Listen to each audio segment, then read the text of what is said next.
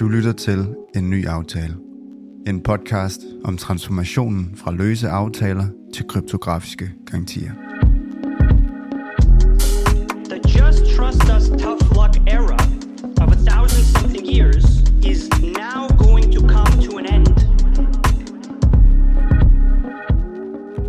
Velkommen til endnu en episode af En Ny Aftale. Og vi skal kigge på et par ting i dag. Et, par par rigtig spændende ting. Ja. Vi har updates med til jer fra Chainlinks konference SmartCon, der var mellem den, øh, det var, ja, det var 28. 29. 28. 29. Var det ikke det? Eller 27. 28. Nej, 28. 29. september. Og så skal vi have et deep dive ned i Synthetics. Ja. Og den er der altså mange lyttere derude, der har efterspurgt. Der er ingen af os. Nej, det er ikke nogen. Nej, Det er os, der pådutter alle lytterne. De skal lytte, I skal lytte til det I her. skal høre det her. Ja. Og det er, fordi det er... Altså ja, for mig så er det sådan en... Det er sådan lidt ligesom at, at spille sådan et, et Gameboy-spil. Og så når man når til bossen. Det er sådan, en, det er sådan lidt sådan, det er for mig sådan at forstå Synthetics. Hmm. Det er sådan at nå til bossen, Okay. føler jeg. Så, så når du har forstået det i dag, så Ja, life completed. men jeg har jo prøvet at gå op mod bossen en gang imellem. Okay. Jeg er ikke helt, jeg er ikke helt Ja. ja. noget, noget der til endnu. Men øh, det får vi se, hvordan det går. Men, Men- altså, ja. SmartCon. Ja, den tager vi lige først. Øhm, ja, hvad skal man sige? Hvad, over, overall. Overall, øhm, lidt skuffende, øh, men ja. også samtidig meget positivt. Det er meget godt, det er meget godt at beskrive det på den måde. Så man kan sige, øh, for den indre spekulant øh, med et hjerte for number go up, så er man lidt skuffet. Ja, Men for den øh, long-term visionær, indre visionær ja, og fremgang i space og sådan noget, så er det også positivt. ja, Men altså, der var jo øh, for eksempel den her dejlige snak med Eric Schmidt, mm.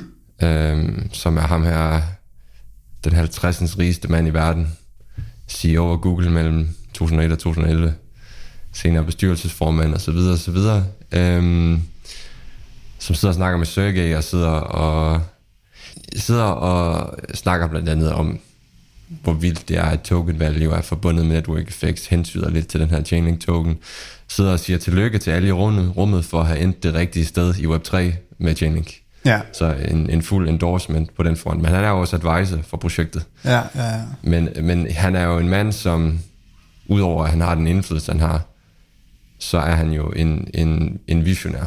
Mm. Han, er, han er jo manden, der tog Google fra det, der var til det der et eller andet sted ja, ja. op gennem nullerne. Og øh, det, var, det var en interessant nok. Den, den kan vi godt anbefale folk at gå ind og lytte til. Ja. Øhm, så er der sådan nogle basic ting, som de her, de her opgraderinger til netværket, vi har forventet. Staking, CCP, DEGO, FSS. Lad os tage dem en af gangen. Staking bliver launchet i december. ja. Den version første- 0,1. Ja, meget, meget simplificeret version. Ja, men Der det er en del af roadmap. Altså, vi kan godt se, at det er der, det skulle starte. Det er ikke, fordi man skulle forvente altså version 1, eller hvad mm. kan man sige, det, det fulde spektrum til at starte med. Og de, det er jo den metode, de bruger. De launcher tingene meget, meget, meget langsomt. De har ikke råd til at lave nogle fejl. Ja, Øh, men samtidig lidt skuffende for markedet. Øh, det blev jo lovet i januar, at staking ville komme i år, og at det så kommer i den sidste måned i år med den første version af det. det, det er, er bare sådan lidt at strække det. det, det tror jeg, det er en af grundene til, at prisen ikke er helt så glad for det. Ja, ja. Men øh, enormt spændende. Der er, øh, du kan stake øh, afhængig af, om du har holdt nogle link tokens for eksempel i en periode. Der er en øh, UI, du kan begynde at tjekke, om din wallet er kvalificeret til early entry, ellers så er der også adgang for alle efterfølgende. Ja. Men den er capped på 25 millioner til at starte med link tokens, og øh, kommer til at stige til 75 millioner Ja. i løbet af starten af næste år, tror jeg. ja. Øhm, Men hvis der er nogen derude, der har haft lidt gang i noget link, haft nogle, har nogle link i en wallet eller andet, så er det muligvis, øh, øh, hvad hedder det, eligible eligible. ja, til, ja. At, til at kunne stake det, det til ja. Den tid, fordi det er nogle meget Ja. øh, milde krav, Ja, der, sige. det, det er ikke så meget, der skal til. Nej, Og man kan, de, jeg tror, de targeter omkring 5%, at du kan få her til at starte med. Ja. Men det skal siges, det vi er bullish på i forhold til staking, er ikke den her simplificerede version, det starter med. Nej. Det er jo den, den fulde implementering af staking, Ja. hvor alt supply kan stakes, og det kan stakes i alle nodes, osv. osv. Klart. Øhm, Men altså, nu lukker de jo op for 25 millioner øh, links, der skal ind. Mm. Og det kommer jo til at låse noget fast, kan man så det er sige. altid godt, at der er noget udbud, der bliver låst fast. Ja, Det er jo altså for prisen. ja. Øhm, Men øh, det bliver jo meget mere hen ad vejen. Ja. de kommer til at åbne mere og mere op. Men jeg kunne forestille mig, at de der 25 millioner, de bliver ret hurtigt. det tror jeg, altså, jeg tror, man skal være hurtig. Ja, Fordi det er forholdsvis risikofrit. En ting er, at det nok bliver en simpel staking-kontrakt, som der ikke sådan rigtig kan hackes. Ja. Og andet er, at det er ligesom holdet, der går ind og, og står inden for det, så selv der hvis der skulle sker ske et eller andet med det, så vil de jo bare kompensere fuldt ud. Altså, de har slet ikke råd til, at der kommer til at ske noget med det. Så altså det værste, det er jo ikke øh, at være i den pulje, det får du tilbage. Det værste, det er, at prisen på Link vil blive lidt fucked, hvis deres staking-protokol Ja, ja. Bliver, bliver hacket. Ja. Så, så, så du skal nok få din link tilbage, tænker jeg, af holdet, ja. ja. hvis det er. Men vi vil ikke have et hack, så Nej, og apropos hacks, så øh, de fleste hacks nu om dagen, det er jo de her bridges. Og øh, det, det er jo så den anden ting, CCP, der skal imødekomme. ja. Og jeg har måske længe været sådan lidt, sådan lidt brushed, brushed det off, sådan lidt CCP tænkt. ah, Ja, du det? har ikke været sådan helt... Jamen, jeg har, bullish på det. Da, de Du først, da de først kom ud med det, så kom de ud med det, som om, at de ville, de ville lave en standard, som alle kunne bruge, og sådan nogle ting, og jeg tænkte, det, der kan jeg ikke se, hvorfor, hvorfor link token skulle bruges i det, og hvis den ikke skal Ja. bruges, og det bare er Chainlink, der går ud og laver et public good, som, som en, er en form for en, en eller anden messaging standard, som alle bare kan sige, okay, så bruger vi den. Så der var jeg ikke så bullish på det, men nu forstår jeg det lidt bedre, og kan godt se, hvordan det er en game changer. Ja. Øhm, og det skyldes jo ikke mindst også, at Swift annoncerede på konferencen, at de laver et proof of concept med CCP for at forbinde Swift-netværket med alle blockchains. Ja, og det er jo også ligesom argumentationen derfor, det er, at hvis du er Swift, og du i forvejen har connected alle de her banker, og du har lavet et system, du har ikke tid til at, at sætte dig ind i, hvilken blockchain, der vinder. Det har du ikke, det har du ikke interesse i at lave den kamp. Du, du har lavet den kamp med, med, med, med at lave dit eget Swift i den traditionelle øh, forstand. Det, det, som Chainlink skal gøre for sådan nogen som Swift, det er ligesom at sige, det er fuldstændig lige meget, hvem der vinder. I kan connect til det hele, til hele den her, det her, til det, den her teknologi, ved at bruge vores CCP, og så kan vi forbinde det hele. Sådan er ligesom den kamp, skal de ikke stå med. Så, de, så, så det giver mega god mening for dem jo. Bare sådan at, Det giver rigtig god mening for dem. Øhm, det giver også rigtig god mening for, for rigtig mange spillere på markedet. Ja. Nu lavede de en øh, eksempel på, hvordan Synthetics, og Synthetics skal vi jo snakke mere om senere, ja. hvordan de vil bruge CCP, og al, faktisk allerede går i gang med en alfa live version her om et par uger. ja, Øhm, og det er jo i forhold til, nu, nu kommer vi mere ind på præcis, hvad for eksempel en synth er i Synthetics, men de her tokens, hvordan man kan teleporte dem, som de siger, på tværs af chains, og, og Synthetic-netværket kan være live på alle chains på den måde her, Ja. uden at alle de her bridges, de er, har sikkerhedshuller. Og hvor jeg før troede, CCP var den her standard, så kan jeg i virkeligheden se nu, at det er Oracle-netværker, som staker link øh, og er med til at, at stille sikkerhed i forhold til at, at få de her beskeder fra chains til chains. Og det er både i forhold til, at, at kontrakter på forskellige chains kan snakke sammen, og at kontrakter og almindelige wallets kan, kan overføre ting til hinanden på tværs af chains. Og jeg så en, sådan et overview af det, hvor der, du har nogle forskellige af de her Oracle networks, og så har du også nogle anti, sådan anti, anti-fraud network, der overvåger det her CCP-netværk, for ja. om alt er, som det skal være. Og det er sådan noget, som alle kan åbne og hele tiden verificere, at tingene fungerer, som de skal. Men lige pludselig så snakker vi jo, at, at hver gang du skal lave en cross-chain transaction, eller message, en transaction, så skal du betale med link, og det er link, der ligesom sikkerhedsstilles også i de notes, der er med til at blive enige om, at den besked sendes rigtigt videre. Okay. Og for, for udviklere bliver det enormt simpelt. Øhm, du har ligesom en, en source chain og en destination chain, og så skal du bare kode ind, hvad det er for nogle beskeder, der skal sendes ind til det her Oracle Network og, og modtages i det andet sted. Ja. Og det kommer til at... Igen, det er det her... Nu, nu for eksempel tilbage i, altså i 2018-2019, generelt så, så det her Web3-marked, det her kryptomarked, de forstod ikke, hvad hvor, hvor, hvorfor skal vi bruge oracles, hvorfor skal vi bruge price feeds? Og det var kun altså virkelig en, en indre kerne, der kunne se den vision af, hvad der ville ske, når der lige pludselig er prisdata on-chain. Ja. Og på samme måde havde, vi, havde jeg lidt svært ved at se ved starten, hvad er det egentlig, vi skal bruge CCP til. Men det bliver mere og mere klart for mig, at, at, at du kommer til at kunne lave alt muligt nyt. Og, og likviditet bliver slet ikke fragmenteret, øh, som det er i dag. Øh, lige så snart CCP går live, og det bliver en helt anden verden, hvor vi bagefter vil se tilbage og tænke, jamen selvfølgelig har vi brug for CCP. Ja. Altså det er jo mission critical infrastruktur. Ja. Og det samme måde, som man i dag tænker, at oracles og data feeds, det er mission critical. Du kan bare se for eksempel den her Ethereum fork. Hvis Chainlink ikke, vil, ikke, kan arbejde, ikke arbejder med en chain, så, så kan du ikke bruge den chain til noget. Altså vi kommer til at indse, at CCP øh, er, er virkelig kritisk infrastruktur. Ja. Ja.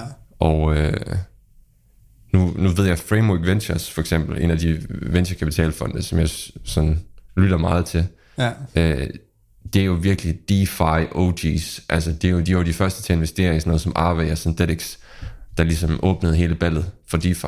Ja. Og de vil ikke engang putte nogen som helst penge i en bridge lige nu. Nej. De, de, de putter slet ingen penge i bridges. Men der har også været en masse hacks i de forskellige bridges. Netop, de mener ikke, at de er sikre nok. Så hvis du tager sådan nogen, der er allermest DeFi OG, du kan være, hvis ikke engang de vil putte penge i en bridge, hvem skulle så, altså hvorfor skulle der så være nogle institutioner eller nogen andre, der skulle, skulle finde på det? Ja. Ja. Så der er absolut brug for CCP, og du har, øh, du har lidt forskellige andre øh, communities i krypto, som øh, Quant og øh, XRP og sådan noget, som, som tror, at det kommer til at involvere dem nø- nødvendigvis noget af alt det her. Det, det tvivler jeg meget på. Ja. Øhm, men, men ikke for ja. at skulle hate, men øh, lad, os se, lad os se på den front. Lad os se på det. Men det er måske lidt sådan en... Øh, jeg ved ikke... Øh, altså, jeg har jo ikke hørt så meget om nogle andre, der arbejder på samme koncept. Altså, det, altså en bridge er jo selvfølgelig en bridge, men, men det virker som om, at CCP stikker, altså skiller sig lidt ud i forhold til alternativerne. Jamen det er jo fordi, det vi, det vi fandt ud af for længe siden med det her Oracle problem, det er hver gang nogen der skal røre ved en blockchain. Altså alt der sker inde i en blockchain er sikkert nok forstået på den måde, at det kan blockchain godt finde ud af at execute reliably og sådan noget. Men lige snart nogen skal røre ved en blockchain, der skal noget dags, eller blockchain skal røre ved den virkelige verden, så skal du stole på nogen lige pludselig. Ja, Og det samme er jo gældende, når der skal, når der skal flyttes noget fra blockchain til blockchain. ja, Og for at du kan gøre det pålideligt, så skal du have samme princip med decentralisering. Mm. Så du skal have en, et netværk af nodes, der bliver enige. ja, Og uanset hvad for en anden løsning, der arbejder på interoperability, så skal de jo tænke i, at der skal være nogle nodes og sådan noget. ja, Men lige nu, hvem har en større kollektion af nodes med ekspertise og research inden for sådan noget infrastruktur, ja, det det. i forhold til at skabe konsensus off-chain lige nu. Ja. Hvem, hvem kan mest pålideligt lave et off-chain or, uh, Oracle-netværk, som kan blive enige om de her cross-chain messages? Ja. Altså, Jamen, det er jo chaining. Altså, det, de er jo fuldstændig specialister på det område der. Mm. Med at connecte ting på en se- secure måde. mm. Og det er jo der, hvor staking også bliver relevant. Ja, Så det bliver jo relevant i forhold til øh, data on-chain, men det bliver også relevant i forhold til CCP. ja, Og det er jo lige pludselig. Altså dengang, man kan sige, tjening startede i 2017, der tror jeg ikke engang, det var på roadmappet, Nej, at der nej, skulle nej, nej. CCP. Det er jo, det er altså jo også behov. alt, alt, der købt, altså alt, der købt længe, var også bare sådan, det der handler om, det er, at vi skal have staking, for at vi kan secure hele det der derivative marked der. Mm. Altså det var nærmest det, man tænkte på. Og så opstår der alle mulige andre ting på vejen. Mm. Behov af det ene og det andet. Og apropos de her store markeder, så vi snakkede lidt om det i sidste episode lige kort, men der var den her snak mellem Sergey og, og, og tre personer fra, fra Swift, DTCC og BNY Mellon. Ja, Og så snakker vi jo netop tre virkelig store powerhouses i den traditionelle finansielle verden. Du har Swift, som laver messaging standards, som alle banker, eller ikke, næsten alle banker i verden bruger. 11.000 banker eller, eller flere. ja, Det er omkring, det er over, det er over en, på dansk eller på engelsk, kvadrillion dollar om året i værdi, der bliver, bevæ- der bliver flyttet ja, gennem Swift-netværket. Mm. Så har du DTCC, som er et clearing og settling uh, house, hvor de clear og settler securities, primært i USA, men også globalt, for 2,4 kvadrillioner dollars. Så har du BNY Mellon, som er verdens største custodian bank. De har, de har kostet de for, og jeg tror det er 20 procent af alle, alle investable assets i verden. Øh, det er også, ud over det, så settler og clear de også for over en kvadrillion dollar om året i US Treasury Securities. Ja. Du snakker tre af de største infrastruktur- eller finansielle institutioner i verden, altså de mest kritiske for den finansielle verden, er nogle af dem. Ja. Og en ting er, Swift annoncerer blanket statement, vi, er, vi vil forsøge at lave noget med, med CCIP, for mm. at connecte os til alle de her blockchains. Ja. Øh, sidder og snakker omkring at den her love story mellem Chainlink og Swift, som startede for 5-7 år siden. Mm. Øh, han, går, han nævner selv, du ved, 2000, 2015, ja. som vi har snakket om i en tidligere episode. Ja.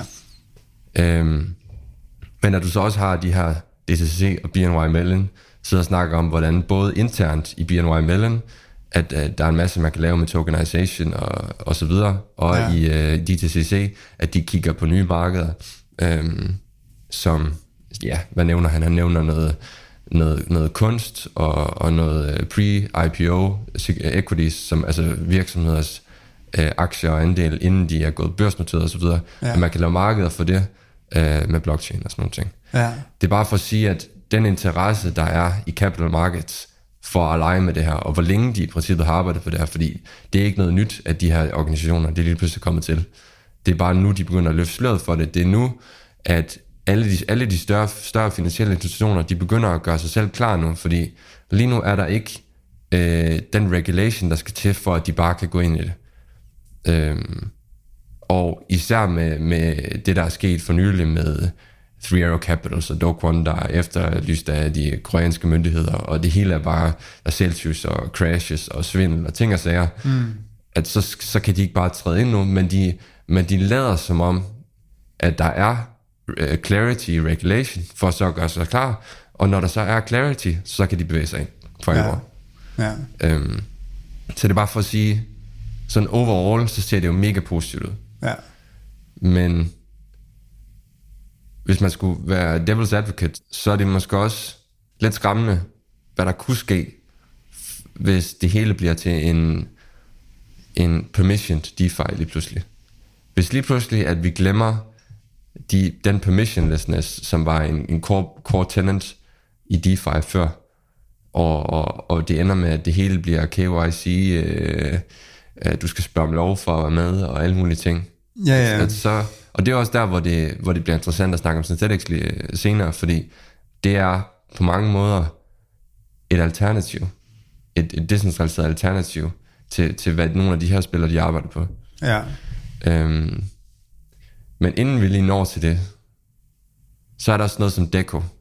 Og Vi snakker stadigvæk uh, Chainlinks. vi snakker stadigvæk SmartCon, Chainlink. Ja. Og Deco øh, var der en proof of concept på.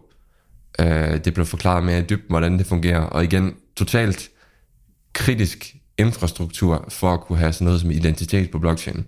Ja. Og igen, det er sådan en ting, vi vil se tilbage på og tænke, jamen selvfølgelig var der brug for det. Ja. Øh, og, og alle de ting, det vil, det vil muliggøre, det, det bliver vi nødt til bare at vente og se. Ja.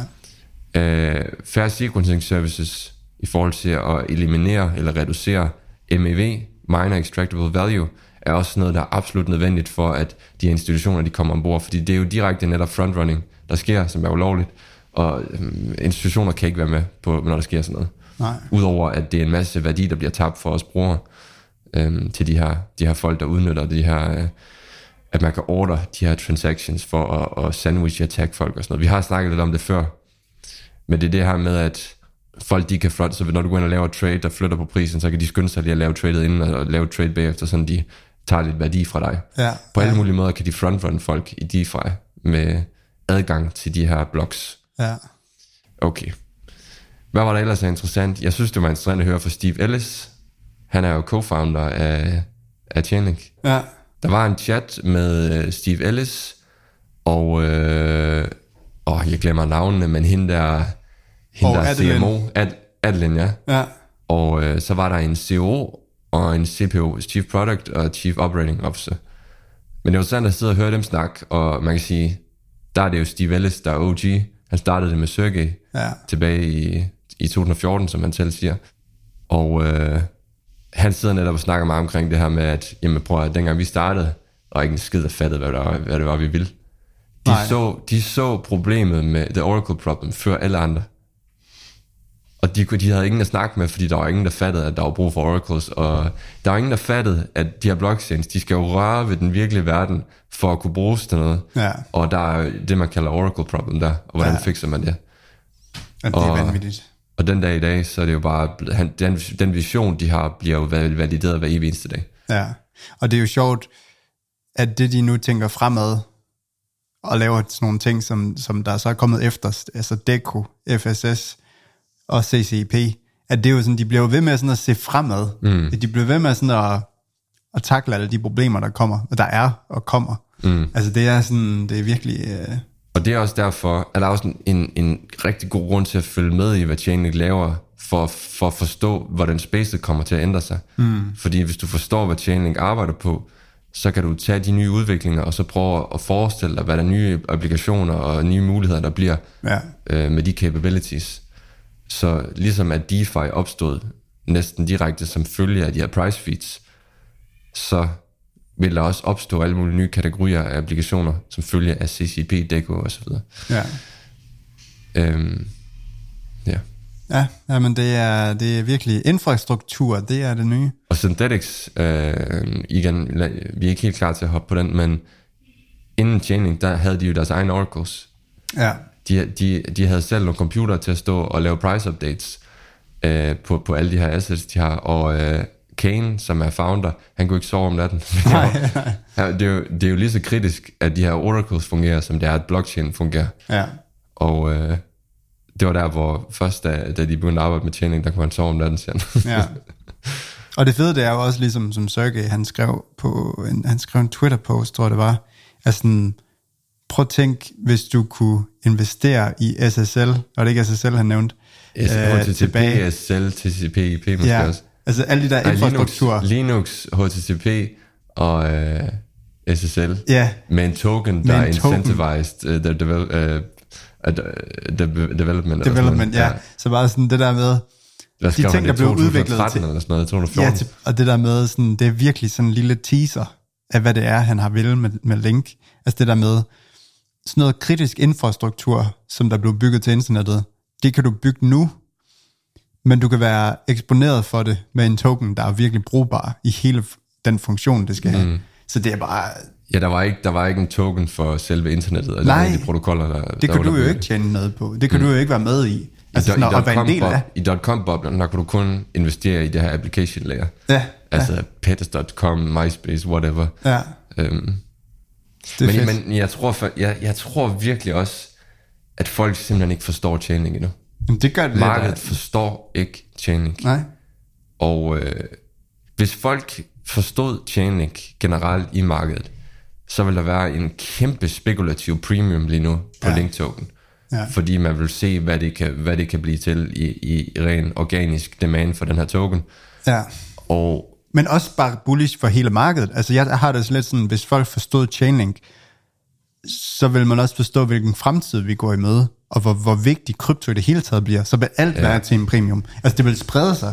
det du tænker, det er alle dem, der tror krypto, det kan jo ikke bruges noget smart transactions, de kan ikke Ja. noget, og det er bare spekulativt. De vil have en helt anden indstilling, hvis De de, vil- forstår, Ja, hvad der bliver muligt. Fordi mange de tænker også bare, at en blockchain skal bare skalere. Det, vi, skal, Ja, ja, vi skal bare have en blockchain, der kan det skalere. er, sådan, det er meget sådan, det er meget sådan simple øh, ja. Problemstillinger, som folk de, de kigger på. Man bliver simpelthen bullish af at kigge på, på Chainlink, og hvad der sker. Specielt når man så får sådan en smartcon, hvor man ser, hvordan det går med udviklingerne, og hvor meget de har nået med FSS, for eksempel, bare på et år. Men noget, der er så sygt, øh, jeg, jeg har hørt i SmartCon, det er, at hver, hvert halve år, så fordobles antallet af projekter, der har integreret Chainlink. Ja, Hver halve år. Og det er, det er, i to år nu, der har den fordoblet hver halve år. ja, Øh, det er fuldstændig vanvittigt. De er oppe på 14.000 offentlige øh, repositories på GitHub, der har integreret Chainlink. 14.000. Ja. Og det er jo kun dem, der er public. Der er mange, der arbejder uden at gøre deres projekter open source. Ja. Men dem, der 14.000 projekter, der har sagt, her det er vores kode, til, Ja. og, og, der kan man så se, de bruger Chainlink.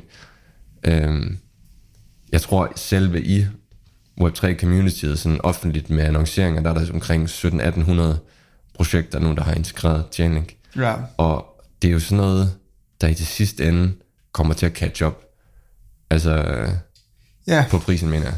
jamen det er det. Altså, vi, det er, altså man kan jo godt være lidt ligeglad med, hvor, hvor Chainlinks pris er lige nu. Altså, så længe man kan se, hvor det er på vej hen, og alle de her udviklinger, der er, så ved jeg ikke, så... så Altså en lav pris er jo stadigvæk bare en, en mulighed for at accumulate mere. Fuldstændig, Så ja.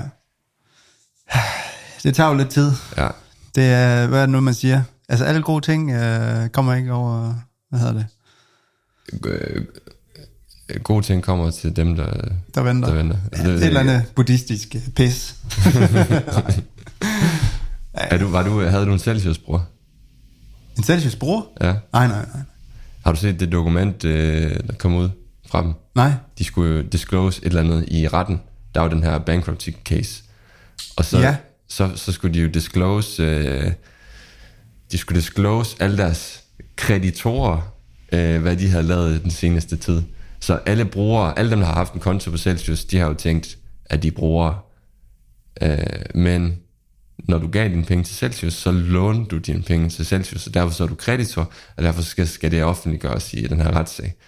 Så der er sådan 14.000 siders dokument, der er offentligt nu, hvor der står ens fulde navn, og så alt det, man har lavet, man har withdrawet, og hvor mange penge, nej. og hvad for nogle assets og sådan noget. Nej, så endnu nej, en nej. ligesom Ledger League. Nu Ledger League, det var jo lidt mere, det var med adresse og ting, så men her. Ja. der kan du se, hvor mange penge folk har. Okay, den, den ja. liste har man altså ikke lyst til at stå på heller. Nej. Der står godt nok address, så står der redacted, men du kan se fulde navn. Okay, Øh, jeg prøvede lige at lave et par kontroller for at se, hvad jeg kunne finde. Men, øh, ja.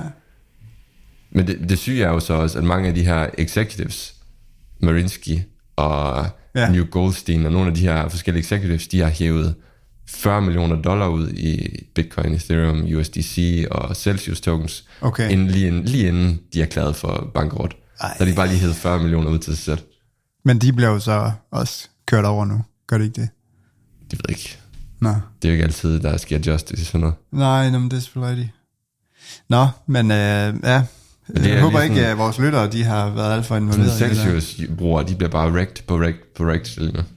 Altså, man skal virkelig, jeg håber virkelig, det er nogle lærer, folk de får nogle lærerstreg af det- alle de her hacks og dine og det andet.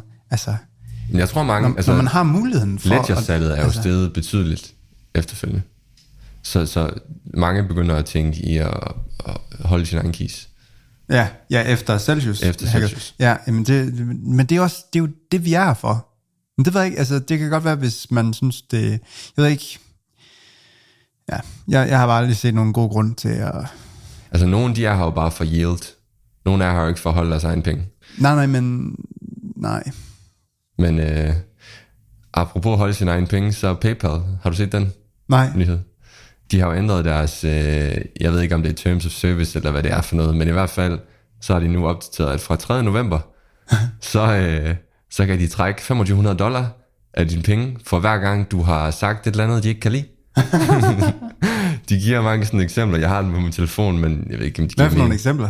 Hvad, er det for eksempel? Jamen, Et i eksempel. princippet, så er det sådan, så er det sådan rigtig juridisk sprog, hvor de siger, i princippet alt, hvad vi ikke kan lide. Hvis der er et eller andet, vi ikke kan lide, at our full soul discretion. Hvis der er et eller andet, sådan, vi synes, de giver nogle eksempler på noget misinformation og diskrimination og, og øh, had, hadfuld content og sådan noget, men i princippet, all other. All other. Altså, Hold da kæft, sådan, hvis, hvis, vi ikke synes, hvis vi synes, det er harmful, eller på en eller anden måde, vi ikke kan lide det, så kan vi tage dine penge, og det er per instance, så hvis du laver 10 memes, de ikke kan lide, så er det lige, så er det lige 25.000 dollar. Wow. Men det er, altså, altså nu, PayPal har jo længe taget folks penge. Altså forstået på den måde, at der er jo mange eksempler på folk, der har blevet, øh, der er blevet udelukket fra sociale medier, og samtidig har fået lukket deres PayPal-konto, Ja, og fået ja. taget deres penge. Ja. Men nu er det altså skrevet ind direkte i Terms Service, at det må de godt. Det må de godt. Ja, så, Hold da og det er, jo, det er jo ting, og det er jo ting, du skriver, ikke på PayPal, men wherever else. Ja, Twitter. wherever else. Og Hold det er jo kæft, en altså gross overreach. Altså det er jo virkelig det er jo virkelig abusive power det der. Det er det er Jamen, så må du lade være med at lave memes. Så må du lade være med at sige sådan noget, noget memes. ja. Ej, det, det er jo sindssygt, altså. Men det er jo... Jeg ved, hvad det er, altså, det, jamen, det er en sjov, det er nu, nu kommer, det er jo en helt anden snak, men det er lidt sjovt, sådan nogle ting der, der foregår i dag. Jeg mener, jeg har længe følt, at alle, alle money transfer services, jeg er ligeglad om det er Revolut, eller Wise, eller PayPal, eller whatever else, jeg, jeg tør ikke have mine penge der. Altså Nej. ikke betydelige summer, at have dem stående der. Ja, Fordi det er bare et ekstra sådan øh, risk øh, layer, altså attack surface, altså et eller andet sted. Ja. Jeg, jeg synes så tit, man hører, at de bare fryser folks penge, og du kan ikke rigtig komme i kontakt med dem, eller finde ud af hvorfor, og alt sådan noget fis. ja. Puha, ja. Ja. Jamen det, ja, det skal man nok lige passe på sig med, hvis man er sådan en, der laver memes. Men igen, det er jo, det er jo igen, det er jo, grunden til, at jeg siger det også, det er jo fordi, det er jo, det, det er derfor, hvis vi har brug for krypto. Altså det, noget af det her sensitive persistence, det er jo det, vi har brug for. Ja, det er også derfor, så nytter det jo ikke noget, at krypto også bliver altså, censureret. Altså, der, det bliver nok noget med, at der er en reguleret side og en ikke reguleret side. De skal bare ikke begynde på sådan noget uh, tornado cash sanctions med almindelig DeFi, fordi så bliver det en hård kamp. Det er det. Ja, men det var faktisk også noget, som Eric Smith han sagde, at det, det handler om, når, man, når der er så meget udvikling i gang i det her Web, Web3-space, det er, at man skal virkelig, øh, en ting det er at udnytte det, men også øh, prøve at udskyde reguleringen så langt som overhovedet muligt, fordi lige nu der skal der udvikles, der skal ikke reguleres lige nu. Ja, det, det er vigtigt, at det, sådan, det når til et sted, før det begynder at regulere. Ja, det han siger også, det er, at du skal ikke bede om udvikling. Nej, du skal ikke bede om regulering. Ja, ja. Fordi... og du skal ikke imødekomme det med alle deres krav. Mm. Du skal sådan gøre mindst muligt faktisk. Jeg tror også, så vidt jeg husker, han mente sådan, at det er godt, at reguleringen venter så lang tid som muligt, fordi så vil der være en bedre forståelse for, hvad det egentlig er for noget der. Mm. Og nu er der noget regulering på vej, som muligvis ikke er hensigtsmæssigt. Og øh, Ja. Det er jo, nu havde vi det her afsnit omkring the dark side of crypto, Ja. hvor jeg tror, du kom til at sige, at regulering er vores enemy, eller sådan noget andet. Nå, men, nej, men nej, det, det- det, er det jo heller ikke. Det er jo, det er jo bad regulation af vores enemy. Ja, det, det, det jeg tror, man kan... Det var det, jeg prøvede at, at sige i det afsnit. Det var bare, at det er vigtigt. Altså, der, der er folk, der gerne vil reguleres i hoved og røv i det her space. Og det er dem, man bliver nødt til at kunne imødekomme med visse ting. Så man siger sådan, prøv at- okay, hvis du gerne vil reguleres, så er jeg med på det, og jeg er med på det. Men alle de andre ting, du snakker om, altså, du laver det til sådan en kasse. Jeg kan imødekomme dig med det her, jeg kan imødekomme dig med det her. Men sådan, det, så er det jo godt at vide, at vide, hvad kan jeg imødekomme dig med? Altså ligesom hvis du har en diskussion med nogen, så, så er det jo godt at ligesom kunne sige, jeg kan forstå dig her, jeg kan forstå dig her. Sådan at man ikke bare ikke gider at forstå noget som helst. Mm. Men sådan, så, Men jeg tror, jeg tror, folk er lidt splittet lige nu, fordi det er jo meget tiltrækkende, at der står de her giganter med kvadrillioner dollars øh, omkring sig, øh, der, der sådan siger, må vi ikke være med i jeres lille leg, så skal I bare lige have nogle regler. Og så står man og tænker, at, at vi vil jo gerne have de her penge ind, jo. vi vil gerne have vores assets, de stiger i værdi, ja. men, men skal vi sælge vores sjæl til the devil? Mm. Altså, hvad, altså hvor, hvor, hvor hurtigt vil vi have dem ind? Hvor meget vil vi gå på kompromis med for at få dem ind? Altså, det er jo lidt ja. det der med, at man er splittet mellem de her principper, de her tenants af, af Web3, sådan oprindeligt, og så mange af de her penge, der står klar til at hoppe ombord, men de har altså nogle krav. Og øh, Der er mange tegn på, i hvert fald i, i hvis man kigger på sådan musikindustrien og podcastindustrien og alt det her, det er meget bedre at være independent. Og så blow up, og så lige pludselig så prøver alle at få dig. Så det er meget bedre at Web3, hvis man kigger på det som om det er en artist, blow the fuck up, og så er det bankerne, der vil have en bid af det. I stedet for at vi er sådan en lille museartist, og så, og så går vi med på en eller anden fucking lortekontrakt, og så ejer de det hele, basically, mm, af fremtiden. Mm. Så, er det bedre, så er det bedre at gå independent øh, vejen, tænker jeg også. og apropos independent, så uh, Synthetics. Ja, Den- lad os, lad os komme i gang.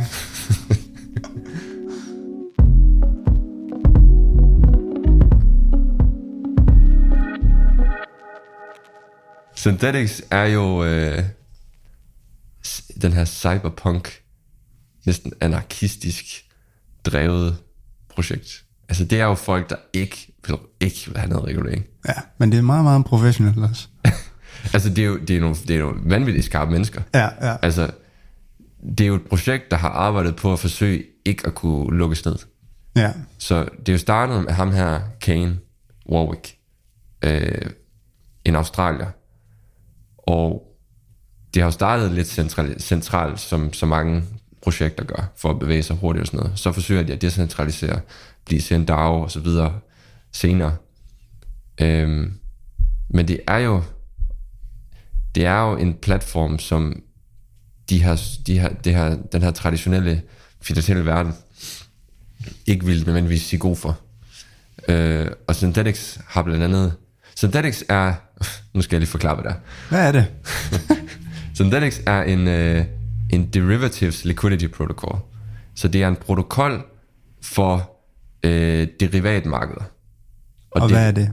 Et derivat er jo noget, der er derived from et eller andet. Så det er noget, der repræsenterer et eller andet, uden at være den egentlige ting. Det så er ikke den egentlige en ting. synthetic asset, en, et syntetisk asset. Så hvis du har en token, der hedder S øh, oil, eller lad os sige S, øh, lad os sige SBTC, Ja. så er det jo en token, som ikke er rigtig bitcoin, men den følger bitcoin-prisen. Ja, så hvis du har den kontrakt, den derivatkontrakt, med en eller anden vis mængde af Synthetics øh, BTC, så har du også de penge. Altså, så har du det, det svarer til. Hvis du har, den, den, hvis du har en SBTC token i din wallet, Ja. så har du, hvad der svarer til en bitcoin. Men vi kan også snakke om det hvordan, på den måde, det foregår i den traditionelle verden. Altså sådan, at derivatmarkedet, det er jo meget øh, stort marked i, i den traditionelle verden. Men den her måde, det eksisterer på i Synthetics, er der ikke en analogi i den virkelige verden, desværre. Jeg kan ikke forklare det med en analogi i den virkelige Nå, men det er bare for også at sige, hvis der er folk, der ikke ved, hvad derivat, derivatmarkedet er, eller derivatkontrakter er, så det er ikke bare noget, der foregår i krypto, det er et kæmpe marked. Altså i den traditionelle verden. Det er øh, svært at vurdere, hvor stort det marked er, fordi meget af det er over the counter, det vil sige, det er ikke på en exchange, men det er bare aftaler mellem banker og forskellige akt- aktører. Ja, Men estimater er helt op til 1 kvadrillion dollar af af det her derivatmarked. ja, Så derivatmarkedet er det største marked, vi har ja, i verden. ja, Øh, og derivater kan være alt fra alle mulige kontrakter, alle mulige swaps, futures, forwards, Ja. øh, whatever. ja, I Synthetics tilfælde, øh, der er det som basis en protokol. Og så kan folk bygge finansielle produkter ovenpå, så sådan noget som optioner og futures og, og alle mulige ting kan man bygge ovenpå. Men som protokol er det bare en protokol for synthetic assets, syntetiske assets, at SBTC, S-oil, S-guld, S-sølv, S-ethereum, S alt muligt. Ja. Så du kan have tokens, der repræsenterer ting, øh, andre assets, øh, og de kan handles på den her protokol. ja. Og Og hvad er det smarte i det? det smarte ved Synthetics, det er, at du i princippet har en protokol, hvor du kan handle alle aktiver i verden. Du kan få exposure til alle aktiver i verden, der i princippet har, du kan lave et price feed for. Og du kan gøre det 100% uden slippage. Fordi når du bytter mellem dem, så er det bare et price feed. Du har ikke en, en AMM som Uniswap for eksempel, hvor den mm. flytter prisen, når du handler. Ja, Så du kan trade uden, liquid, uden, uden slippage.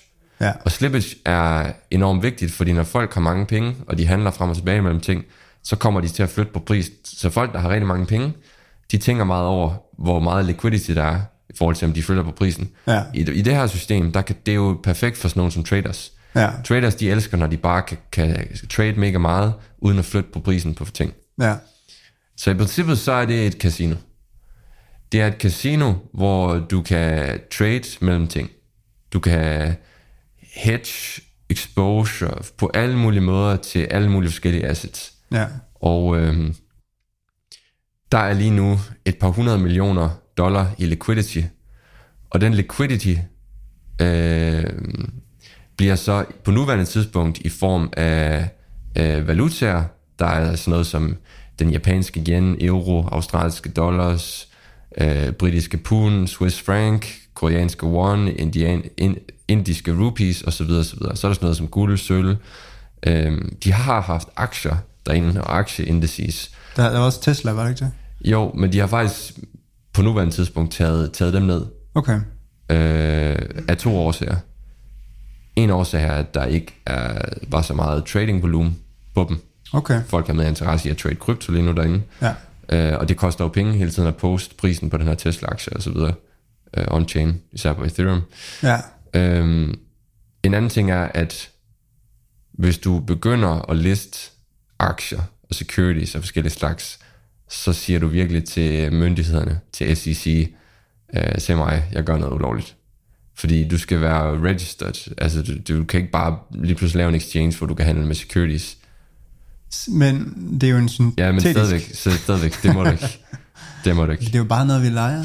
Men det er jo så, men jeg tror, at Synthetics i princippet har en vision om, at, at i fremtiden, så skal der være den her, så skal de have alle assets, og de skal ikke kunne lukkes ned. Ja. Og om myndighederne vil sige god for dem eller ej, det tror jeg, de sådan i princippet er ligeglade med i deres Okay. vision, tror jeg. Okay. Umiddelbart. I princippet så kan du sagt handle alt med et price feed. Øhm, og de, de kørte før deres egen DEX, deres egen exchange, men det er så nu, nu har de kun protokollen, og så alle andre projekter, der bygger ovenpå, de er styr, selvstyret. Så den primære exchange, det er Quenta. Og på Quenta, der kan du handle mellem de her synthetic assets, der er i protokollen. Udover det, så kan du, øh, så kan du lave trade med de her futures. Futures er jo bets, directional bets, short eller long, på forskellige assets. Og i krypto, der har vi dem som, hvad man kalder for perpetual futures. Ja. Og det er faktisk noget, der ikke er så populært i den traditionelle verden. Jeg ved ikke helt hvorfor. Men perpetual betyder, at der ikke er noget udløb. Så du kan gå ind på Synthetics, og så kan du sige, jeg vil nu være long bitcoin. Og så er der ikke noget udløb på den. Den fortsætter bare, indtil du stopper den. Ja, det svarer jo til at købe rigtige bitcoin. Det svarer til at købe, bortset fra, at her kan du også long med margin. Ja, Så du kan, du kan leverage. Du kan få, jeg kan ikke huske, om det er 20x eller et eller andet, hvad du kan få derinde. ja. Ja, og det er jo sådan, kan- noget, der, det er jo sådan noget, der er meget populært i krypto. Øh, Du kan liquidate dig selv lige Ja. på sådan et... Ja, eller, eller, eller blive millionær. Ja, ja, true. Men det er jo sådan et casino, Ja. og det er sådan noget, folk de elsker i krypto. Så der er god volumen på det. Okay, så Øhm. før der havde de deres egen exchange, Før nu der er kørte de... de den selv en frontend på en, der lavede en exchange. Ja. Okay, men, det jeg øh, vidste ikke, de havde skiftet over til det Quenta der, nemlig. men der er nu øh, der er nu mange projekter faktisk, der bygger ovenpå. Men, Øhm, men inden vi kommer til det, Ja. ja. så det du ikke forstår jo, det er jo, hvorfor, Hvorfor er det her muligt? hvorfor er det muligt? Ja. Fordi, okay, som, som jeg forstår det nu, så tager vi lige, nu er vi alle sammen lige med. Det her det er en protokol.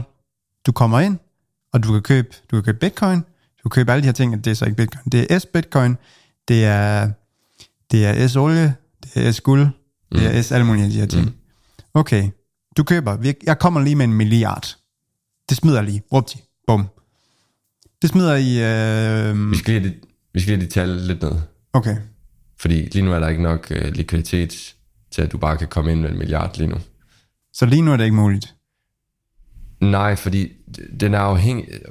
Det kommer ind på senere, men det er fordi, det er afhængig af SNX market cap lige nu. SNX stakers muliggør likviditet, og lige nu er der ikke... Du, du kommer jo med for eksempel Ethereum eller en stablecoin USDC, så skal du ind i det her system. Det vil sige, du skal trade til et eller andet synthetic asset. Du skal over i SUSD eller S Ethereum for at få lov at være med i systemet. Ja. Og du kan ikke komme ind med en milliard lige nu. Okay, Det kan du ikke.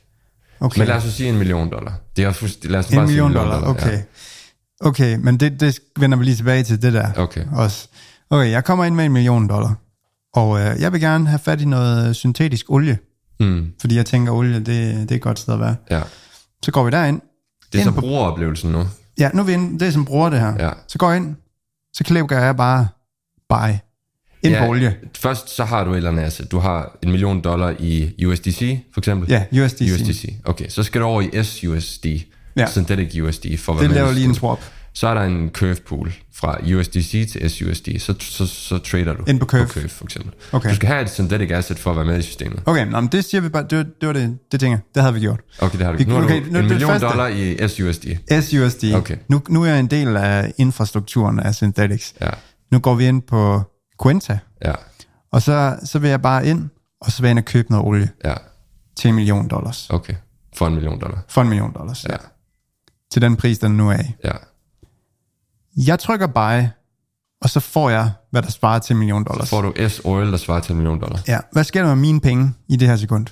kontrakten, den siger bare, okay, du har en million uh, SUSD, okay, hvad er ifølge Chainlink prisen på olie lige nu? Uh, en, en tønde, eller hvad man nu regner efter. Ja, ja. Øhm, okay, det er, I don't know, Jeg ved, jeg har ingen 20-50 anelse. dollar, whatever, jeg Ja, ved det ikke. Øh, okay, så giver vi det bare tilsvarende S-oil i forhold til exchange rate, 50 dollar tjening. siger. Okay. Så bliver din SUSD burnet, og du får en vi mindre til dig nu, øh, så så mange S-oil. Okay. Nu, den, øh, den der oliepris der, den, øh, der sker et eller andet helt vanvittigt. Ja, Så den stiger søst gange tre. ja. Så nu har Nu jeg, du 3 millioner dollar. nu har jeg i 3 olie. millioner dollar. Ja. Og øh, så dagen efter, så stiger den i gange tre mere. Okay, du har 9 millioner dollar olie. Ja. okay, hvad så? Nu, nu, nu har jeg ligesom alle de her penge. Nu vil du gerne cash ud af Jeg, jeg, har, jeg har fået skabt Ja, altså 9 millioner, nej, ja. 8 millioner dollar mere end det, jeg havde før. ja. Protokollen, eller hvad kan man sige, likviditeten, der lå ved protokollen, den har jo ikke fået alle de procent. Det er jo mig, der har det. Hvordan kan den likviditet følge med sådan nogle stigninger der? Du har vundet penge fra casinoet. Casinoet er SNX stickers. Så hvis du går ind på casinoet i den traditionelle verden, og du vinder på rouletten, så har du taget penge fra casinoet jo. Ja, I det her tilfælde, der har du vundet penge fra SNX stickers. ja. Så, Men hvordan- så deres gæld er blevet større. Deres gæld er blevet større, men det er jo det der med, jeg forstår ikke, hvordan kan man sikre, at der er penge nok til at udbetale det til mig? Det er fordi, at alle synthetic assets, der er i systemet, er underbygget af SNX token. Så det hele det afhænger af, at SNX token, den klarer sig godt. Det afhænger af, at den er noget værd. Altså man kan sige, når den falder i værdi, så dem, der SNX, dem der staker, de skal ind og øh, de skal ind og betale deres gæld tilbage for, for at liquidate noget af deres positions. Eller ikke liquidate, men for at, dem- dem... at få deres collateralization ratio op igen. Så dem, der staker SNX, de, de, de er ligesom offer for, hvis, hvis, hvis tokenen falder i værdi, fordi nogen prøver at, at få den ned. Altså, i, Altså, det sker jo generelt, når markedet går ned, så falder SNX også i værdi. jo. Men man kan jo godt suppress en, en token. Kan man ikke Øh, jo, du kan jo, du kan jo øh, låne den og, og sælge den, sådan short den på den måde. Ja, Det kan du godt. Men Synthetics-netværket er jo, nu er toppen, det var jo 28 dollar eller sådan noget, nu kan jeg ikke huske. Og den er jo nede i 2 dollar nu. Men det kan systemet godt klare.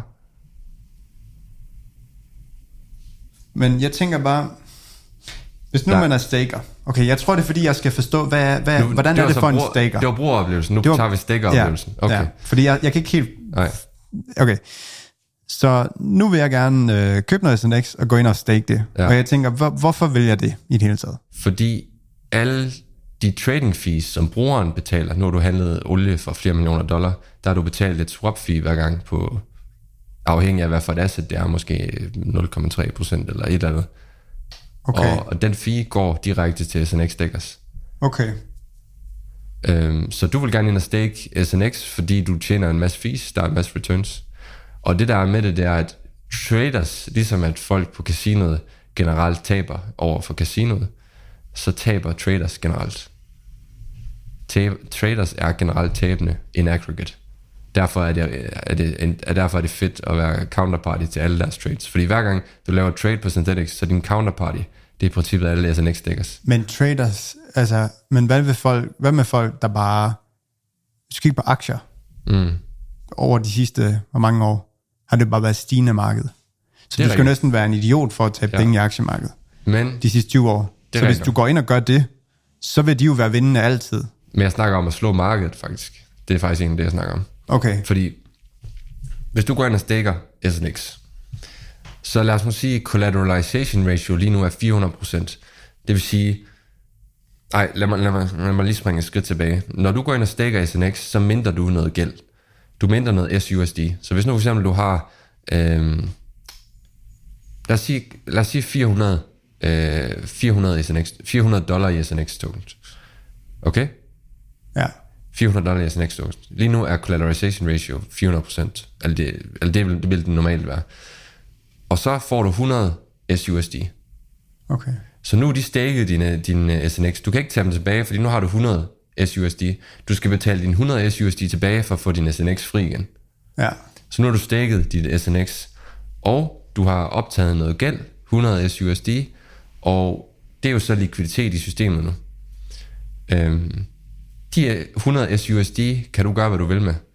Det mange stakers vil gøre, det er, at de vil se, hvad er debt pool, kalder man det. Og det er alle de synthetic assets, der er i omløb lige nu, om de er i olie, om de er i bitcoin, hvad om de er i ethereum, hvad nu, så repræsenterer det en eller anden pie chart med alle de forskellige, der er, og hvordan- hvordan de er fordelt.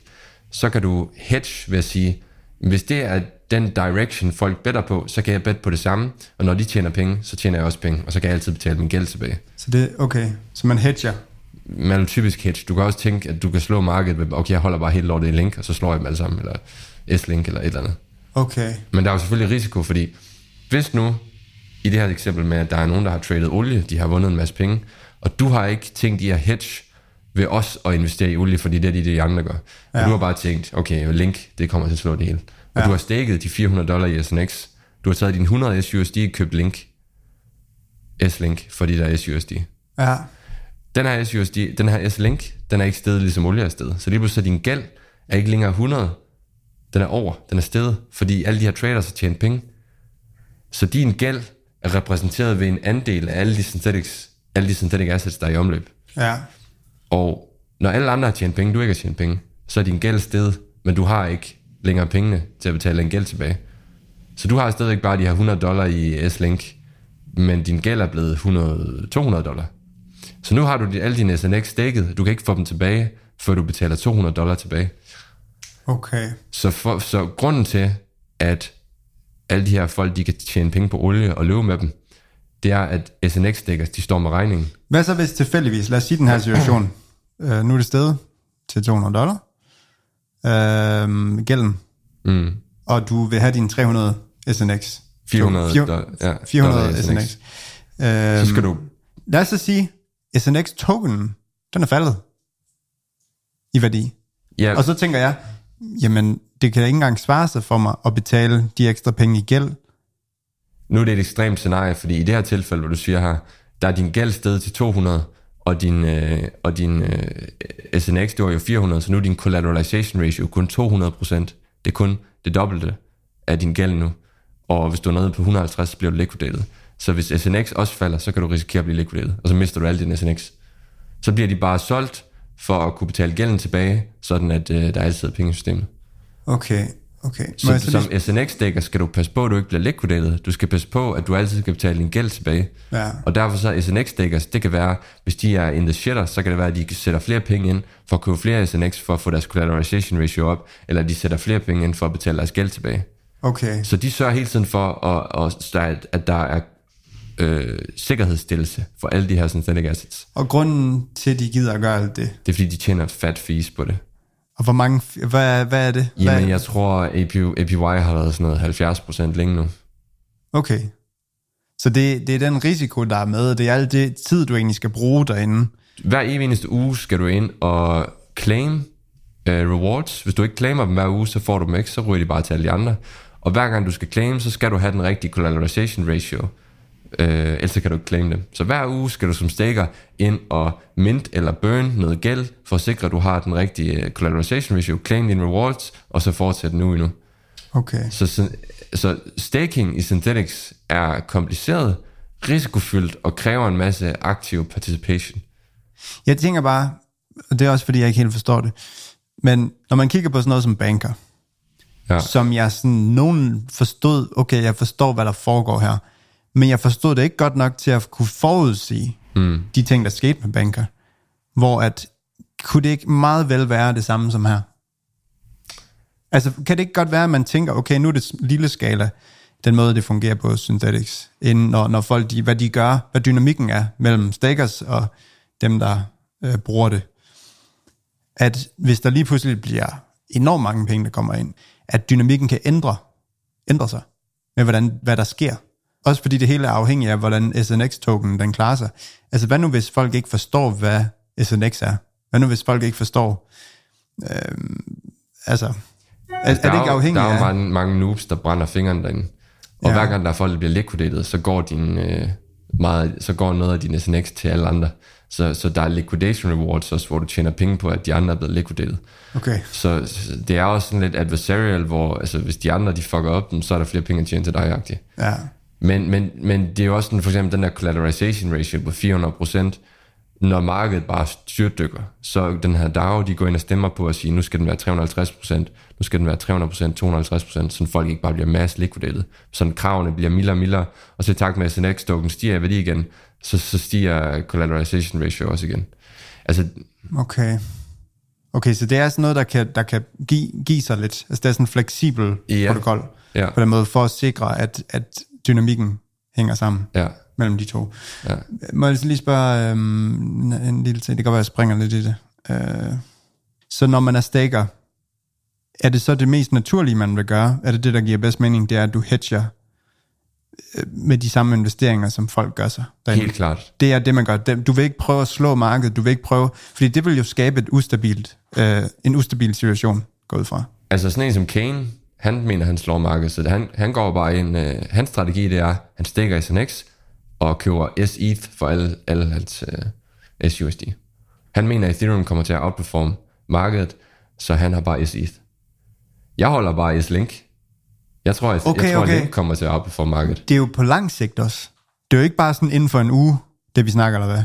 Altså Nej. det er bare fordi, Link kan jo godt klare sig af helvede til i forhold til øh, prisen på et eller andet, øh, et eller andet asset Ja. inden for en uge. Ja. Men, du, men bliver du ikke straffet for det? Altså, Jeg kan blive straffet ved, at hvis lige pludselig, at SNX falder i værdi, og jeg skal burn noget gæld for at, øh, for at komme op på collateralization ratio, så jeg kan claim mine rewards. Ja. Hvis så Chainlink er faldet i værdi, så er jeg nødt til at sælge den, hvor den er faldet. Sælge lidt af den, hvor den er faldet, og det, det er selvfølgelig træls. ja. Så, så, så du kan risikere, at du skal ind og sælge tidligt på noget af det, du har, du har investeret i. Okay. Men det er en ret... Så, så hvis nu man er mega bullish på ETH eller Link eller et eller andet, hvor man tænker, ikke nok med, at jeg tror, at det her det kommer til at stikke af inden for en vis række år, Mm. så tror jeg også, at det vil outperforme alt det, der er her Ja, på bordet. Og så, så det bedste, man kan gøre, det er at gå ind og gøre det der. Og Ja. stake, og så købe S-Link eller S-ETH, Men eller det hvad skal man siges, tror. at nu et af de projekter, der har bygget på, øh, på hvad hedder det, på Synthetics, det er et projekt, der hedder D-Hedge, som er sådan et øh, decentraliseret øh, hedge fund øh, investment management projekt, hvor, øh, kan du huske, vi snakker om Mellon, Mellon før, hvor man kunne oprette en fond, folk kunne vælge at putte penge i det, og så kan man, så kan man trade for folk. Ja, ja. Det er D-Hedge også. Og det D-Hedge har lavet, det er, at de har lavet en, der hedder D-SNX Deadpool. Så det er netop der, hvor du kan købe en, en, en du kan tage din SUSD, købe DSNX, som repræsenterer Deadpool, og der er en eller anden, der sidder aktivt og sørger for, at Deadpool hele tiden er repræsenteret i den her token, sådan at du har meget lidt risiko i forhold til at, at tabe i forhold til de andre. Okay. Så det vil være det, og, altså, det mest sensible at gøre for de fleste. Ja. Og så nyder du bare godt af de der fees Ja. imens. Ja. Altså, det er jo et projekt, hvor alle fees, der bliver tjent i protokollen, de går direkte til dem, der holder den her governance token, den her collateral SNX token. Ja. Og de tjener en del fees.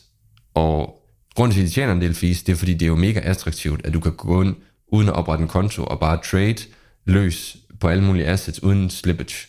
Ja. Altså det, og du kan long og short med margin og så videre og så videre. Ja. Og traders, de elsker det.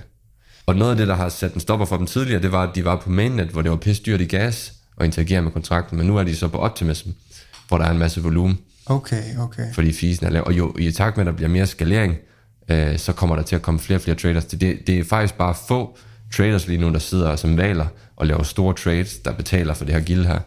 Og ja. der skal nok komme flere til. Hvad, hvad med, øhm, kan man være bange for, at der sker et eller andet med, når, hvis man, når man skal swap, for eksempel? Fordi for at komme ind på den her, øh, den her protokol, så skal mm. du ind i noget synthetics, øh, Ja. SUSD eller et eller andet. Ja. Hvad nu hvis øh, du har en masse penge inde i systemet, men kan der opstå et eller andet problem, der gør det svært at få det ud af systemet igen? Altså det swap, der sker mellem USDC Der skal være og... en on-ramp eller off-ramp. Forstået på den måde, at der skal være en eller anden AMM, hvor, hvor der er nogen, der kommer noget li- liquidity med noget SUSD og noget almindelig USD, eller noget S-Ethereum og almindelig Ethereum. Ja. Og det er jo der, hvor Curve er mega godt Ja. til at skabe en on- eller off-ramp. Det, som Curve også har arbejdet på, vi har snakket om det tidligere, det er, at for hver evig eneste synthetic asset for S-Link, kan du have link sammen med S-Link osv. Og når du gør det, så kan du have det, de kalder for atomic swaps. Kan du huske, vi snakker om det? Nej. Det er, at, det er, at du kan have, ved du hvad one inch det er? Nej. Det er sådan jeg, jeg kan godt huske, det var den der børs, var det ikke det? Det nej, nej, det er et DeFi-projekt. Det er sådan en DEX aggregator. Så det er et sted, hvor du kan gå ind og sige, jeg vil handle fra øh, USDC til Link. Og så forsøger den at route dine trades gennem det mest optimale, så du får den bedste pris. Det kan okay. være, at den router gennem Uniswap, Curve, Synthetic, whatever. Okay. Men det den så kan, det er, at den kan route dit trade gennem Curve og Synthetic sammen. Og så kan du gøre det, du, som du fik forklaret, USDC til SUSD, ingen slippage. SUSD til S-Link, ingen slippage. S-Link til Link, ingen slippage. Så er du gået fra USDC til Link uden slippage. Okay, det er ret sygt. Ja. Og det er jo også noget meget af det, der er meget volumen i Synthetics. Ja. Så du kan, du kan lave de swaps med stable, stable pools på Curve, og så Synthetics, for der ikke er noget slippage. ja. Jeg tror, det du stadigvæk er forvirret over, det er, hvordan SNX er collateral til de her synthetic assets. Ja, ja, i mit hoved, så er det bare så... Altså sådan, det, er bare, det er bare så nemt, at, at prisen ikke går op på SNX. Fordi hvad er det, der skal til? Altså ligesom vi siger, altså prisen på Link kommer til at gå op, er en ren dynamisk ting, der kommer til at ske. Folk skal bruge SNX for at kunne, for at kunne bruge, produk- altså for at kunne bruge det. Mm. Men hvis der ikke er folk, der ved, at du kan gå ind, hvis det kun er folk, der vil ind og bruge det, men mm. folk ikke, det er ikke folk, det går, jamen det ved jeg ikke, det går ikke op for folk, få- at folk kan stake, eller de ikke synes, det er attraktivt. Altså, eller der er hele tiden nye folk, der finder ud af projektet og ser de returns, øh, man kan få, og så køber SNX for at få de returns. Men der er også folk, der allerede stikker SNX, der tænker, når returnsen er så gode, så køber jeg flere SNX. Ja. Altså, når du har et projekt, der giver en dividend på et eller andet xx antal procent, så er price earning på den investering, på den token, så god. Øh, altså, discounted cash, det er så god en investering, at så, så er der folk, der køber den for at stake for at tjene de uh, returns. Så i takt med, at der er flere, der trader, volumen bliver højere, der er flere fees til stakers, returns på staking bliver højere, så stiger tokeners værdi. Men når man øh, får de her fees, hvad bliver det udbetalt i? SNX? SUSD og øh, SNX. Men bliver det godt, så kommer der jo et salgspres på SNX. Ja, men, men Fordi grund- folk de vil tjene penge. Ligesom for eksempel med bitcoin, at for, da du minede i starten, der fik du 50 bitcoin eller et eller andet. Og så er der, ja. så er der den der having, hvor stille og roligt, så er der færre og færre block rewards. Ja, Det er jo et forsøg på at subsidize netværket for at komme i gang. Så på lang sigt er det jo meningen med bitcoin, at transaction fees skal være det primære, der går til miners, og den der block reward, der bliver mintet hele tiden, skal blive mindre og mindre. På samme måde med Synthetics, så gav man en masse ny inflation, en masse ny SNX som rewards, og det bliver så mindre og mindre, for at feesene skal blive en større og større del. Men det er klart, for at feesene kan blive høje nok til, at man kan fjerne block rewards helt, så skal, så skal de et stykke længere op. Øh, Så det er derfor nu, Kane for eksempel, han foreslår helt at fjerne inflationen, fordi han siger, at der er ikke behov for det længere, der er nok SUSD fees, øh, til at, at folk nok gider at stake. så når man ikke får udbetalt SNX, Ja, så får du kun, hvad, SUSD, ja. og så laver du dem til USD, og så, Ja, det kan du gøre, ja. og så det eneste tidspunkt, du skal, du får SNX, det når du køber det. Øh, Det er, når ja. du køber det, for at komme ind på Ja. og stake. Ja. Men, Okay. men, men jeg tror ikke, øh, det der forslag, han kom med, med at lukke helt for printeren, øh, før han kom med det forslag, der var planen egentlig bare, at der skulle være en fast 2% inflation til uendelighed i Synthetics, der okay. blev givet til stickers. Øh, så hvad de ender med der, det ved jeg ikke. Ja, ved men det er bare sådan, hvad, hvad, det, hvad konsekvensen er så med det. Men okay, Hvis- hver gang du får SNX Reward, som det har været, der har de været vestet i et år. Så du har først kunne øh, unlock dem om et år. Så det Kane han argumenterer for, det er så, at du kan jo bare tage nogle af dem, der ikke er locked, og så sælge dem. Og så, fordi dem, der er, der, der er gang med at vest på et år, de tæller stadig med i staking, så ja. Men ja, det er, det er salgspres, at øh, der er nye SNX, det er klart. Ja. Men øh, på et eller andet tidspunkt, så kommer der måske også bare en, øh, sådan lidt ligesom X-Token havde gang i, hvor man stakede for folk. Det var, de forsøgte jo at simplificere processen for folk, så du bare kunne putte SNX ind i den her kontrakt, få XSNX tilbage, Ja. og så stakede de for dig. De sørgede for aktivt at manage den, din position Ja. trustlessly stadigvæk. Men det var da det blev hacket. så jeg ikke Ja. Trust, det, det var fuldst, Nej, men når jeg siger fuldstændig... så mener at de kunne ikke stjæle dine penge, men det kunne hackers så. Ja, ja. Øh, men så Jørgen, de har også lavet noget, der hedder YSNX. Det er en simplificeret version af det X-token gjorde, så den er ikke blevet hacket, Nej. men den er også sådan lidt mere, det er lidt mere uklart, hvad valget du får. Ja. Men det kunne godt give, i hvert fald give den nødvendige likviditet, for at uh, store spillere, de kan komme derind. Det er jo ikke kun prisen, der skal rykke det. Lige nu er størstedelen af udbuddet jo staked. Så det er ikke fordi, der er flere, der skal stake, men... Men det kan jo gang- være fordi, at sådan en som mig, der gerne vil investere en milliard, han ikke kan det. Grunden til, at du ikke kan investere en milliard, det er fordi, hvis nu SNX-token den steg igen til 25 dollar, Ja. så vil min collateralization ratio blive så høj, at jeg kan mint en helvedes masse mere SUSD. Og når alle stakers de mindre en helvedes masse mere SUSD, så er det mere likviditet til systemet. Der ryger flere SUSD ind i curve og så videre. Så det bliver, der bliver mere likviditet til at komme ind. Okay, okay. Det, problemet er at komme ind. Problemet er at komme derind. Ja. Ja, for når du først er derinde, så kan du trade Men med så det meget kan jo du har. godt gøre noget ved netværkseffekten. At det er svært at komme derind. Altså, hvordan, Ja. hvordan skal det stikke af, hvis det er svært at komme ind? Jamen noget af det, de arbejder på, det er også, at du kan komme ind ved at bare have noget Ethereum, låse det fast, tage et lån i SUSD og så trade. For eksempel. Okay, ja. De, de arbejder på forskellige ting. Altså nu, alt det vi har snakket om nu, det er jo Synthetics V2, den, den implementering, der er nu. Ja. Men de har jo gang i alt muligt for at opgradere netværket. Okay, Alt det, det, meget af det, vi har snakket om, det bliver i princippet ændret lidt. okay jamen Så, uh, øh, skide godt. I, I er med på min rejse, kan man så sige. Staking, staking bliver simplificeret. Protokollen bliver mere composable, så den bliver nemmere at bygge ovenpå og kan snakke sammen med de andre protokoller og sådan noget. Der bliver, ja, jeg, jeg, kender ikke alle detaljer, men øh, jeg tror, det bliver generelt en, en stor forbedring. Jeg synes jo, det er et spændende projekt, fordi det, det viser nogle af de ting, som, som Web3 muliggør. Fordi det her med, at du kan i princippet have en token, der repræsenterer hvad som helst. Du kan dele den op i så mange fraktioner, du har lyst. Du kan sende den lynhurtigt over hele verden øh, til dine venner. Bare lige bum bum, du ved sådan der. Mm. Øh, du skal ikke spørge nogen om lov for at komme ind og gøre det her. Og så kan du trade uden slippage, som sagt. Ja, det er Altså du stort. kan, du kan trade hvad som helst uden slippage. Og øh, altså igen, der er jo ikke noget af det her, der er investment advice, financial advice. Øh, alt det vi siger, det er bare vores personlige holdninger.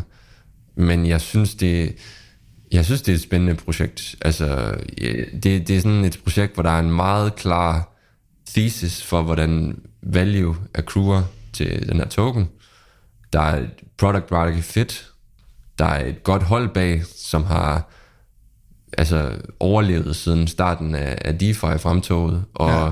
nu er self-sustainable. Øh, de tjener selv den indtægt, de skal for at holde sig kørende. Ja. De har ikke brug for funding eller noget som helst.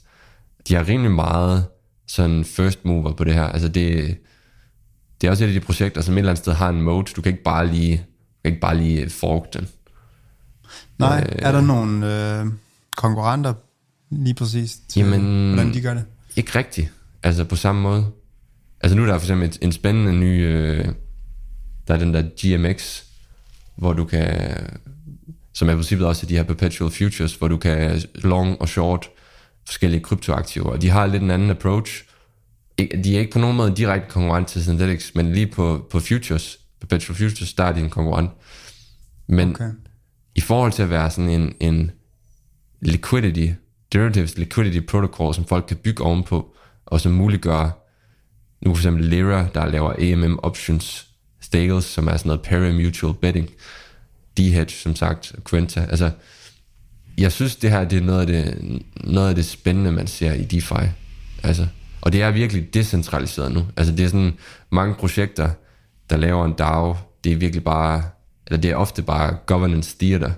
Så har de en eller anden, øh, hvad de kalder en snapshot vote, hvor folk lige kan signal, hvad det er, de godt kunne tænke sig, og så er der en eller anden, et eller andet team bag, der enten styrer alle tokens, og bare kan, kan princippet bare selv bestemme med deres votes, hvad der skal ske, eller uanset hvad der bliver stemt, så kan de selv bestemme, hvad der skal, gø- hvad der skal ske. Altså, hvor det her, der har de virkelig forsøgt at lave alt governance on-chain.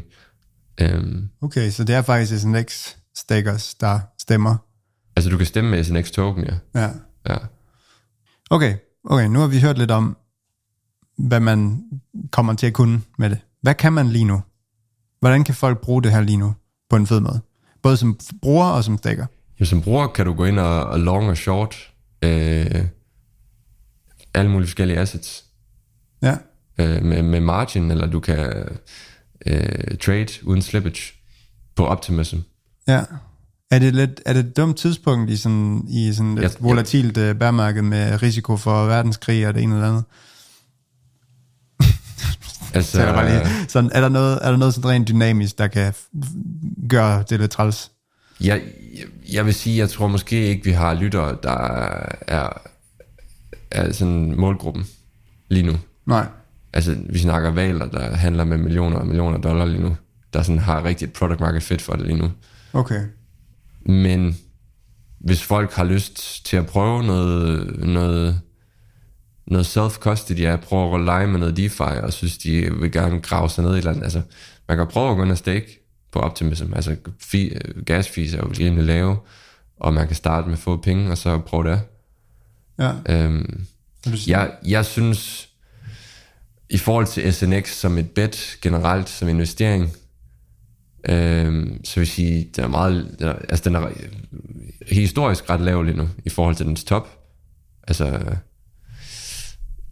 derudover så tror jeg helt sikkert, det har en fremtid. Om den kommer til at outperforme Ethereum og Link og sådan noget, altså who knows, og, og hvilken, hvilken beta den har, hvor meget, hvor meget risiko der er i den i forhold til de andre Ja. det er sådan et...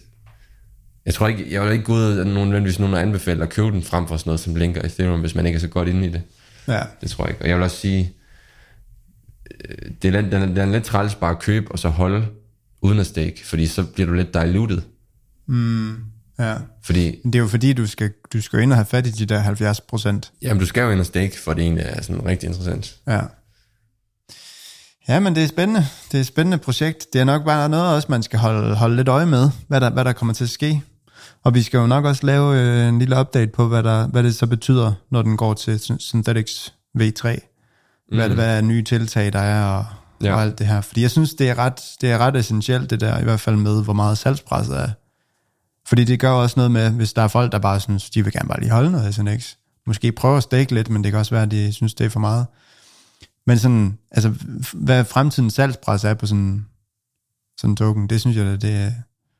Ja, men jeg vil også sige, hvis du går ind på sådan noget, vi har snakket om cryptofees.info, der vil du også kunne se, at Synthetics ligger ret højt op, og igen, det skal pointeres, at alt, alle de der, alt det revenue, den går direkte til stakers. Ja. Så når du går ind og regner på sådan noget price earnings og sådan noget, så ser den meget attraktiv ud. Og det er også noget af det, der gør, tror jeg, at, at det er en af de tokens, vi kan se muligvis sådan rykke sig selv ud af bærmarkedet, agtigt, Ja, hvis den, øh, hvis den bare klarer sig godt med volumen.